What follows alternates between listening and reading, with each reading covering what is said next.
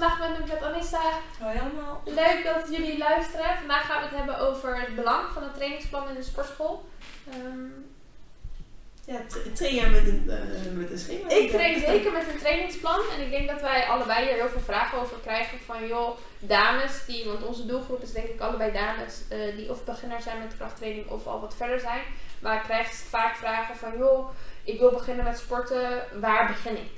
Ja, precies. Ik herken het ook wel echt heel erg.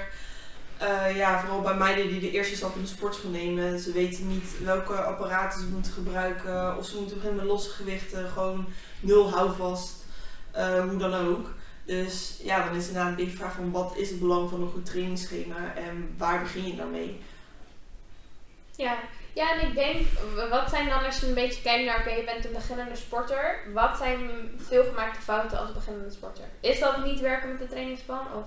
Eh, nou, ik denk in het begin gaat iemand naar de sportschool natuurlijk een beetje zonder plan. Ik ken weinig mensen die de eerste dag meteen met een trainingsschema beginnen. Dus vaak ga je ja, alleen dingen doen die je leuk vindt. Te veel volume draaien, bijvoorbeeld alleen benen of bovenlichaam. Ehm, niet weten hoeveel kilo's je hebt gepakt vorige keer om daar weer mee verder te gaan. Eh, dus dat denk ik de meest gemaakte fouten. Of bijvoorbeeld al beginnen met überhaupt een squat, terwijl ze nog niet weten hoe Ja. eh, de beweging eigenlijk moet. ja, ik denk dat je dat veel ziet. En ik denk ook niet dat er in eerste instantie iets mis mee is. Want ik denk als we allemaal maar perfect willen starten in de sportschool, dan starten we nooit. Eh, maar ik denk wel dat het goed is om te praten over, oké, je bent al wegwijs in de sportschool, je hebt geen trainingsplan, maar je wilt wel optimale progressie maken. Ja, dan is het mega belangrijk om een trainingsplan te hebben om jouw doelen te behalen.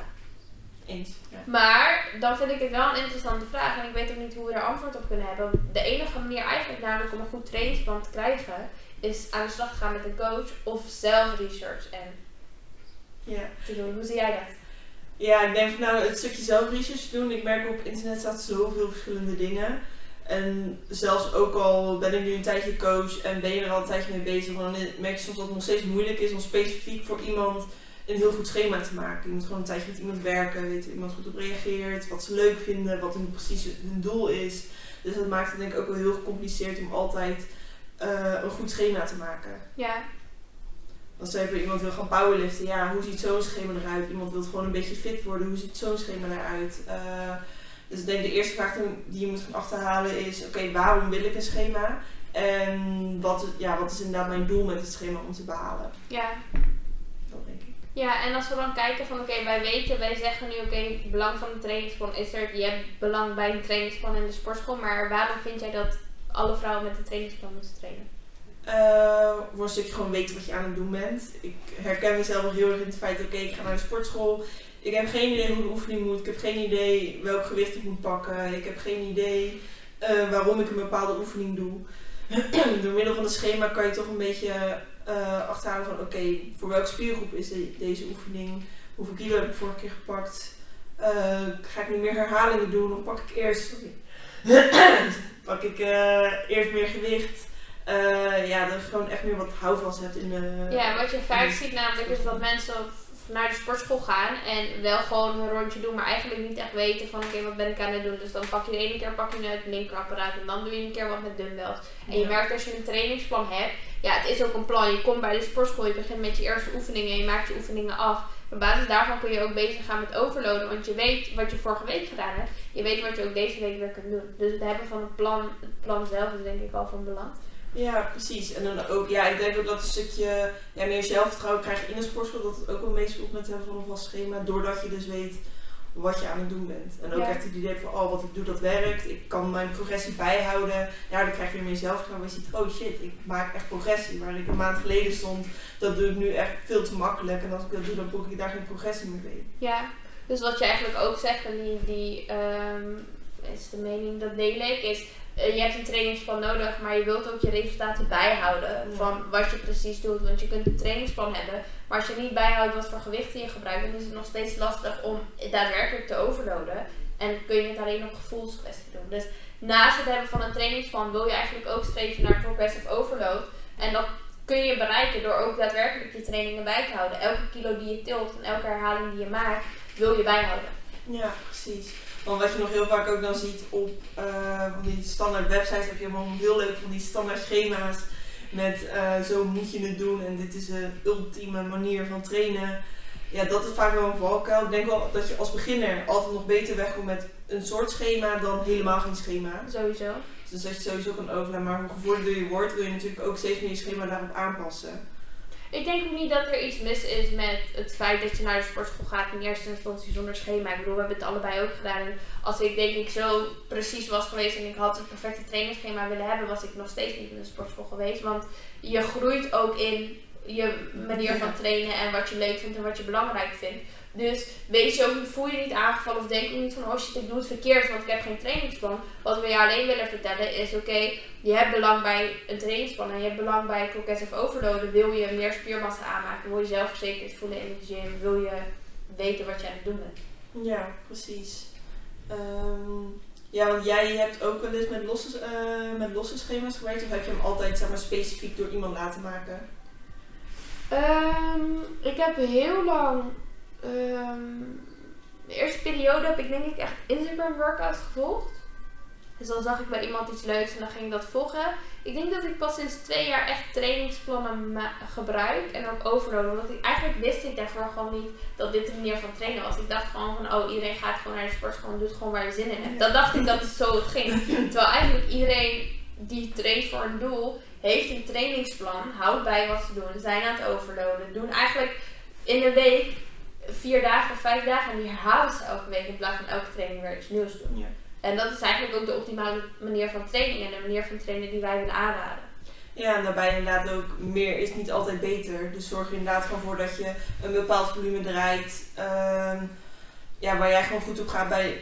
Dat is vaak wel een stuk lager dan je in eerste instantie zou verwachten. Soms zie je inderdaad wel mensen die echt zeven verschillende oefeningen of acht verschillende oefeningen uh, voor vijf dagen, zes dagen in de week doen. En elke week wel netjes bijhouden wat ze doen, meer pakken. Maar op een gegeven moment toch vastlopen omdat het gewoon te veel is. Ja, kan je ook meer vertellen over volume voor de mensen die nu praten over, en ja. over volume, wat, wat is dat?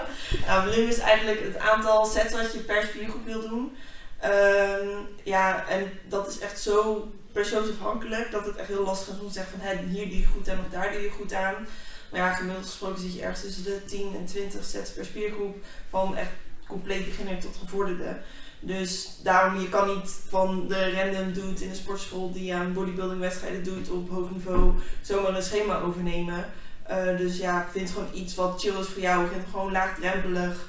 En ga het gewoon overlopen dat je merkt, oké, ik kan meer doen. Ga dan meer doen. Totdat je op een gegeven moment uh, merkt, oké, mijn slaap is goed, ik eet goed, ik maak progressie. En blijf daar gewoon lekker op hangen in het trainingsplan en heb vooral plezier. Ja, ja, precies. En dat geeft ook aan van joh, een stukje volume is ook waarom veel mensen niet het trainingsplan niet voor iedereen fit. Want we hebben zoveel andere levensomstandigheden, andere uh, doelen. Uh, dat je niet zomaar een trainingsplan van je vriendin kan pakken. Van denk, oh, maar ik ben ook uh, eh, 23 en ik weeg ook hetzelfde. Dus ik heb dat trainingsplan ook nodig. Ja, precies. Dus dat is dan ook weer heel afhankelijk van je trainingsplan. Van oké, okay, uh, stap 1, je hebt het trainingsplan, super fijn.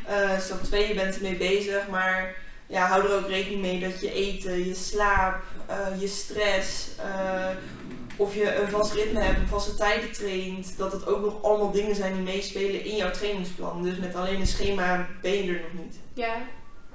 Ik denk dat, uh, ja, dat voornamelijk. Ja.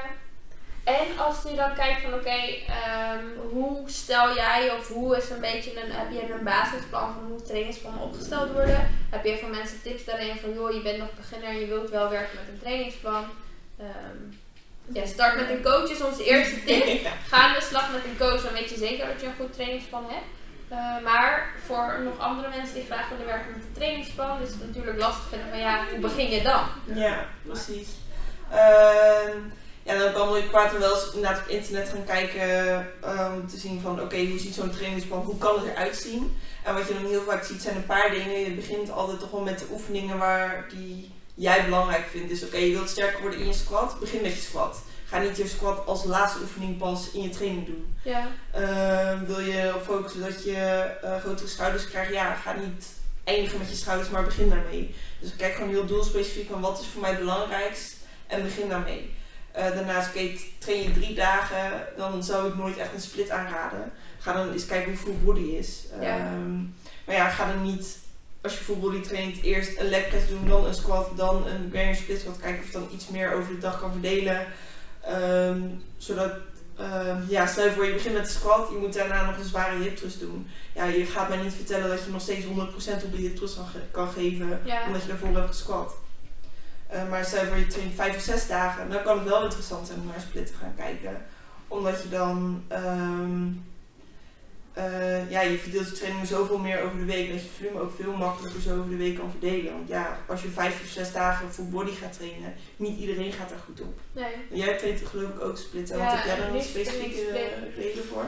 Ehm, nee, ik heb heel lang full body getraind. Ehm, was op zich prima. Nu heb ik split meer voor de afwisseling. Niet een specifieke reden voor. Maar ik merkte wel van joh, ik wil zes dagen in de week trainen. Als je zes dagen full body traint, het is goed te doen. Maar ik merkte wel dat ik op een gegeven moment of heel weinig volume moest draaien om progressie te maken. Of een beetje bleef hangen. Ehm, en ik wilde gewoon meer doen. Dus ik merk nu wel, als ik bijvoorbeeld meer beenoefeningen doe, heb ik ook weer een dag rust ertussen. Dus ik merk voor mijn progressie, voor mij momenteel is het beter. Maar ik heb ook periodes gehad dat het juist met full body echt beter. Dus zo zie je ook maar, ik ben dezelfde persoon. Ja. Eh, maar op dit moment werkt split beter en op andere momenten heeft full body beter gewerkt. Maar ik denk een beetje wat jij zei, train je minder dan drie dagen zou ik eigenlijk altijd naar een full body trainingsplan kijken. Tenzij je nog een hele andere sport ernaast doet, maar als krachttraining het enigste is, eh, zou ik full body doen. Ehm, en inderdaad, je wilt je grotere en belangrijkste oefeningen gewoon altijd als eerst uitvoeren. Ja. Ehm, want wat jij heel mooi zei, het moment dat je de sportschool binnenstapt en je hebt nog niks gedaan, heb je eigenlijk je batterijtjes vol, je hebt de meeste kracht. En naarmate hoe meer oefeningen je doet, hoe minder dat zal worden. Ehm, dus het is ook niet gek dat als je pas laat, allerlaatste moment een zware hip thrust doet, ja, dat is niet het beste moment om die te pakken. Nee, vooral niet als, het- als je doel is, ik wil graag sterker worden in een hip thrust. Ja. Ja, ik denk heel veel mooie tips al voor mensen om aan de slag te gaan met een trainingsplan. In ieder geval wat wij willen meegeven nogmaals is, ga zeker werken met een trainingsplan. Ga informatie opdoen over het belang van een trainingsplan. Ehm, maar ook hoe je die zelf kunt maken, wat voor oefeningen dan goed zijn voor spiergroepen die je erin wil doen. Ehm investeer in een coach. Dat vooral. Sowieso investeren in een coach. Ja. Eh, ja, ik heb er eigenlijk verder niks meer echt aan toe te voegen. Ik hoop dat het een beetje waardevol was. Ja. Eh, voor de mensen die aan het luisteren of misschien zelfs aan het kijken zijn via YouTube. eh ja. dat is super leuk. Wat is je Instagram? Oh, mijn Instagram is eh, gewoon Anissa de Bree. Mijn Instagram is Didi Joosten met een laag streepje. Nou, heel leuk dat jullie er waren. En ja, blijf ons vooral volgen. Klik op de abonneerknop, vind ik leuk. Blijf luisteren en dan ja, zien we jullie Tot de volgende podcast.